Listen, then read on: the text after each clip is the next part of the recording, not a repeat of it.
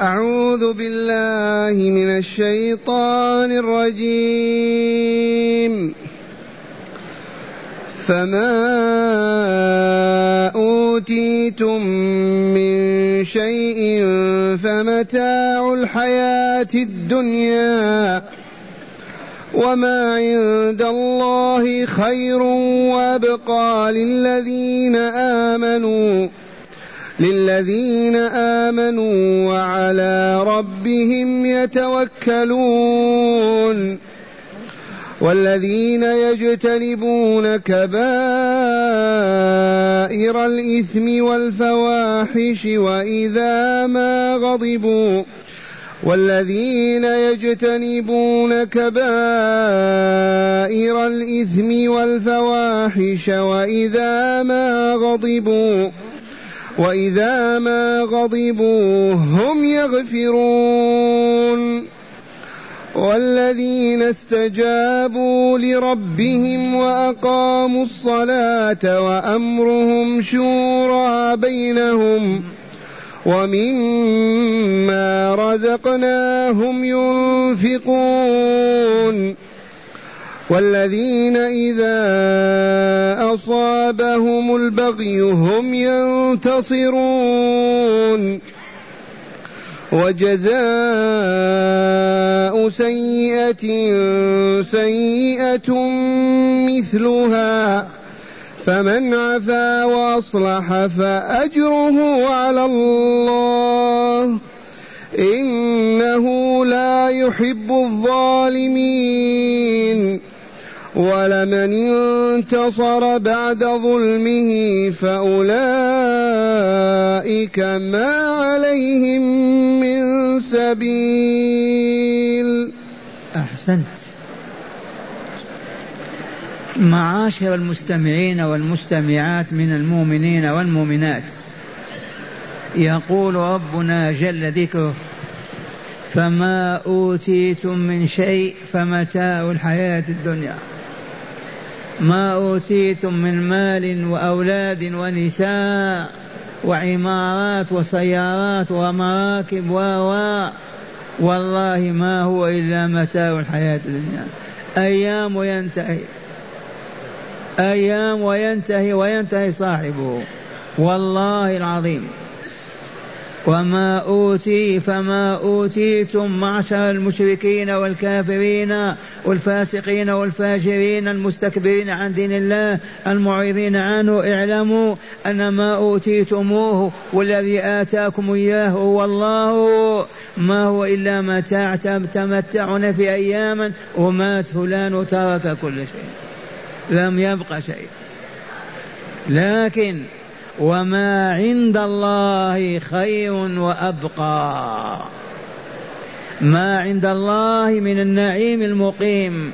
في الجنة دار السلام. دار الأبرار. من نعيم دائم لا يزول ولا ينتهي ولا يفنى أبدا. لمن هذا؟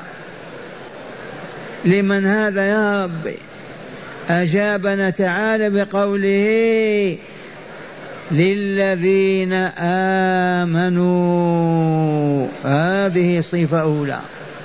وعدوها إنها عشر صفات. الله نسأل أن نكون متصفين بها كاملة.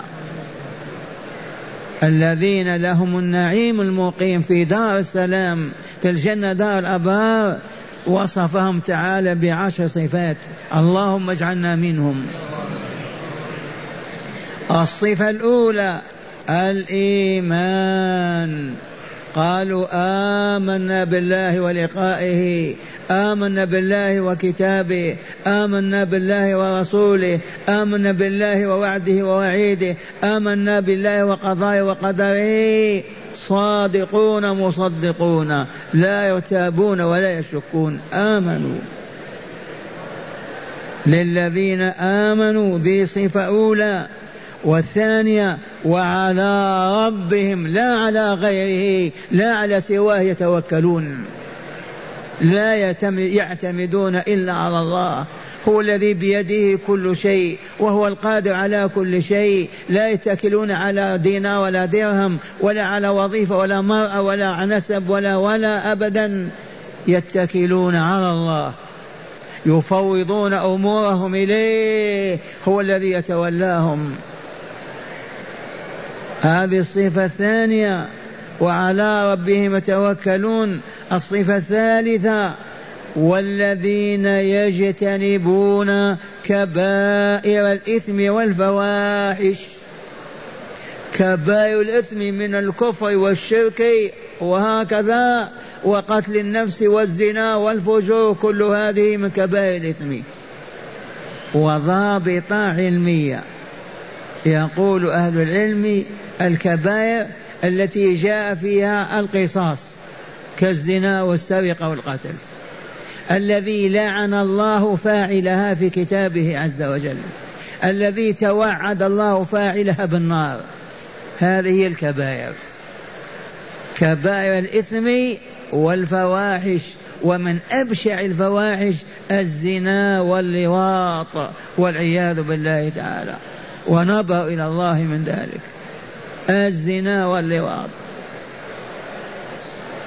ثالثا رابعا وإذا ما غضبوا هم يغفرون. إذا غضب هذا العبد الصالح ولي الله غضب أغضبته وأنت ستمت وشتمت يقول يرحمك الله ويغفر لك زلتك ولا يبالي بك. وإذا ما غضبوا هم يغفرون لمن أغضبهم بأن سب أو شتم أو ضرب حتى ضرب من المؤمنين الفاسقين لا من الكافرين. ومما والذين يجتنبون كبائر الإثم والفواحش وإذا ما غضبوا هم يغفرون تلك الزلة ولا يواخذون بها صاحبها. شاتمك قل يرحمك الله. سبك قل غفر الله لك. لأنه جاهل ما عرف من إخوانك المؤمنين. ولا تواخذه. والصفة الخامسة. والذين استجابوا لربهم. استجابوا له أمرهم بشيء فعلوه. نهاهم عن شيء تركوه. ذي هي الاستجابة. أمر بشيء فعلوه نهى عن شيء تركوه. والله لهذه الاستجابة. استجابوا لربهم إذا دعاهم إلى فعل شيء فعلوا. دعاهم إلى ترك شيء تركوا. استجابوا لمن؟ لخالقهم ورازقهم لإلههم لربهم مالك أمرهم. ما معنى استجابوا؟ قابلوا. أمرهم بشيء فعلوا نهاهم عن شيء تركوه. هذه الاستجابة. والذين استجابوا لربهم سادس الصفات وأقاموا الصلاة. أقاموا الصلاة الخمس المعروفة إقامة حقا. أدوها بشروطها وأركانها وفرائضها في أوقاتها مع الخشوع فيها. على الوجه المطلوب أقاموها إقامة. ما سهوا ولا لعبوا فيها ولا تهاونوا أقاموا الصلاة. والمراد من الصلاة الصلوات الخمس الصبح والظهر والعصر والمغرب والعشاء. أقاموها ما فرطوا فيها ما أضاعوها ما عبثوا فيها. أدوها على الوجه المطلوب الذي هو يزكي النفس ويطهرها.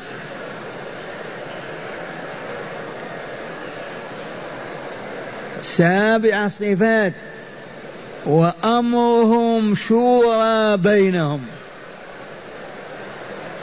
أسرى ما يقدمون على شيء إلا إذا تشاوروا وأقروا شيئا. أهل مسجد لا يقدمون على شيء إلا بعد أن يتشاوروا حتى يهديهم الله لما فيه خيرهم وكمالهم وسعادتهم أهل إقليم كذلك أهل دولة الشورى ضرورية في هذه الحياة ومع الأسف ما بقي من يشير ويستشير. إلا من رحم الله.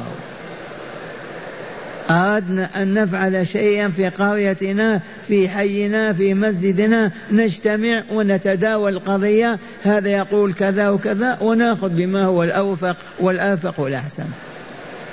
هذه صفات الربانيين أهل الجنة وإلا لا وأمرهم شورى بينهم. ما يستبدون ولا يتحزبون ولا يتجمعون ولا ولا ولكنهم إخوة في الله كلمتهم واحدة وصراطهم المستقيم واحد وهو الإسلام. وأمرهم شورى بينهم. الصفة التاسعة ومما رزقناهم ينفقون. مما رزقهم الله ينفقون مالا أو جاها أو دي أو علما أو معرفة. ما رزقك الله تنفق منه في سبيله لا في سبيل غيره. ومما رزقناهم وأعطيناهم ووهبناهم ينفقون. العالم ينفق علمه. العارف يعرف الطريق لأصحابها. ذو المال ينفق من ماله. وهكذا ذو الجاه يستخدم جاهه لإنقاذ مؤمن أو إبعاد الشر عليه. ومما رزقناهم ينفقون منه. ما يبخلون ولا يظنون ولا يمنعون. الصفة العاشرة والذين إذا أصابهم البغي البغي هم ينتصرون. إذا بغت عليهم أمة كافرة دولة كافرة يهود أو غيرهم ينتصرون ويدفعون البغي ولا يرضون به ولا يسكتون. ويجوز حتى للفرد إذا اعتدي عليه وأخذ ماله انتهك عرضه يجوز أن ينتصر للبغي وينتصر منه. والذين إذا أصابهم البغي ألا وهو الظلم. بغى عليه يبغي إذا ظلمه في عرضه في ماله في بدنه. ينتصر ويهزم ذلك ويذل ذاك الذي ابتغى وبغى عليه وظلمه. هذه عشر صفات. هل نحن إن شاء الله متصفون بها؟ هيا نعيدها. فما أوتيتم من شيء فمتاع الحياة الدنيا وأوساخ لا قيمة له. يا أيها الكافرون والمشركون. وما عند الله ما هو الدينار والدرهم. وما عند الله الجنة وما فيها من نعيم مقيم. خير وأبقى. لمن؟ لأصحاب الصفات العشر. الذين آمنوا وعلى ربهم يتوكلون الذين يجتنبون الكبائر كبائر الإثم والفواحش وإذا ما غضبهم يغفرون والذين استجابوا لربهم وأقاموا الصلاة وأمرهم شورى بينهم ومما رزقناهم ينفقون والذين إذا أصابهم البغي هم ينتصرون اللهم اجعلنا منهم. ثم قال تعالى وجزاء سيئة سيئة مثلها. جزاء سيئة سيئة. سبك يا كلب لك أن تقول وأنت أكلب. مثلا سيئة مثلها. لكن فمن عفا وأصلح فأجر على الله. قال يا رذيل يا ساقط يا هابط تستطيع تقول مثل ما يقول ولكن الأفضل أن تعفو وتصفح. تقول سامحك الله غفر الله لك رحمك الله. وجزاء سيئة سيئة سيئة مثلها فمن عفا وأصلح فأجره على الله هو الذي يجزيه على ذلك السكوت والرضا وعدم المواخذة. وذلك لأن الله لا يحب الظالمين. لا يحب الظالمين لا يحب الظالمين. نظروا إلى الله من الظلم وأهله. وأفظع أنواع الظلم الشرك والعياذ بالله تعالى. من أفظع أنواع الظلم ظلم النفس. بصب الذنوب والآثام عليه حتى تصبح منتنا عافنا من أنواع الظلم ظلم الإنسان لأخيه الإنسان بالباطل بالاعتداء عليه بأخذ ماله أو ضرب بجسمه أو أخذ عرضه انتهاك عرضه.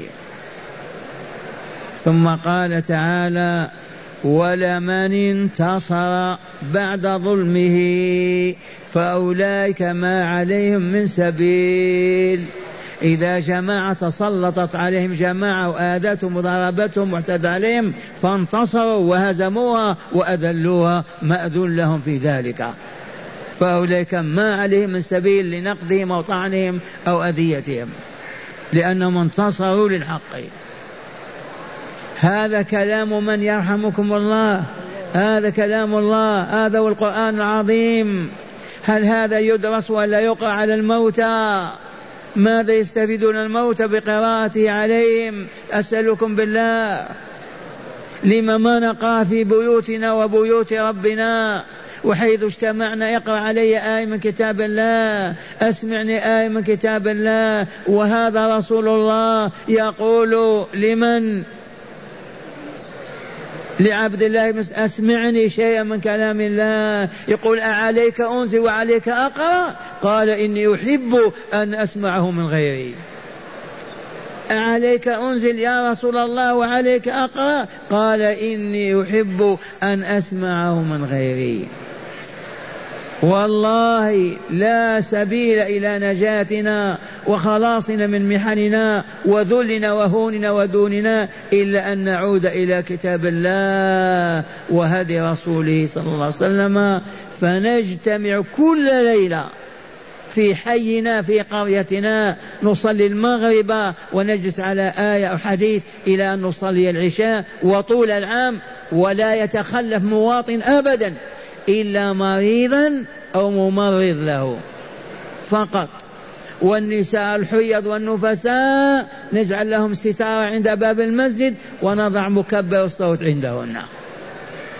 ولا يحرم مواطن لا ذكر ولا أنثى لا كبير ولا صغير أبدا. هذا نظام حياتنا. من صلاة المغرب إلى صلاة العشاء في كتاب الله هدي رسوله طول العام طول الحياة. وقد سبقنا لهذا رسول الله وأصحابه. يعلمهم الكتاب والحكمة ويزكيهم. معشر المستمعين نأخذ بهذا. على الله ينقذنا مما نحن فيه مع هداية الآيات. بسم الله والحمد لله. والصلاة والسلام على خير خلق الله سيدنا ونبينا محمد صلى الله وعلى آله وصحبه. من هداية هذه الآيات أولا متاع الحياة الدنيا إذا قوبل بما أعد الله للمؤمنين المتقين لا يعد شيئا يذكر أبدا. أي نعم متاع الحياة الدنيا الطعام الشراب اللباس المراكب الأولاد النساء السلطان كل هذا إذا قابلناه بما عند الله في الجنة لا يساوي شيء. أما قال تعالى وما عند الله خير وأبقى. نعم. نعم. ثانيا بيان أكمل الشخصيات الإسلامية وهي الشخصية التي تتصف بالصفات العشر التي تضمنتها الآيات الاربع الشخصية الإسلامية الربانية التي نسأل الله أن نكون منها هي التي اتصفت بعشر صفات كما قدمنا ولا تنازلت عن صفة. نعم. ثالثا مشروعية القصاص وعقوبة الظالم.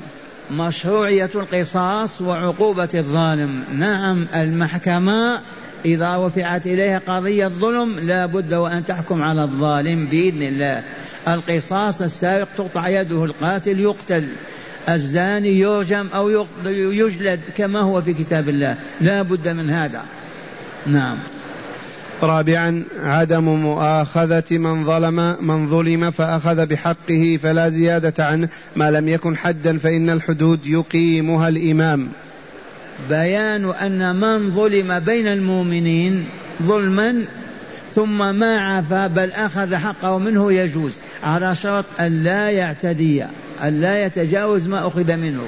أخذ شاتك تأخذ له شات لما تأخذ شاتين؟ أخذ منك دينار تأخذ من دينار لا دينارين. وإن عفوت فذلك خير لك. وألا يكون حدا فإن الحد يقيمه أما الإمام. الحدود هذا تقول يقوم بها الشارع القصاص. ما أنت اللي تعفو. نعم. وأخيرا فضيلة العفو على الإخوة المسلمين والإصلاح بينهم. فضيلة العفو على إخواننا المسلمين والإصلاح بينهم. هذا ما ينبغي أن نكون عليه. نعفو ونحاول أن نصلح ولا نفسد بين المسلمين.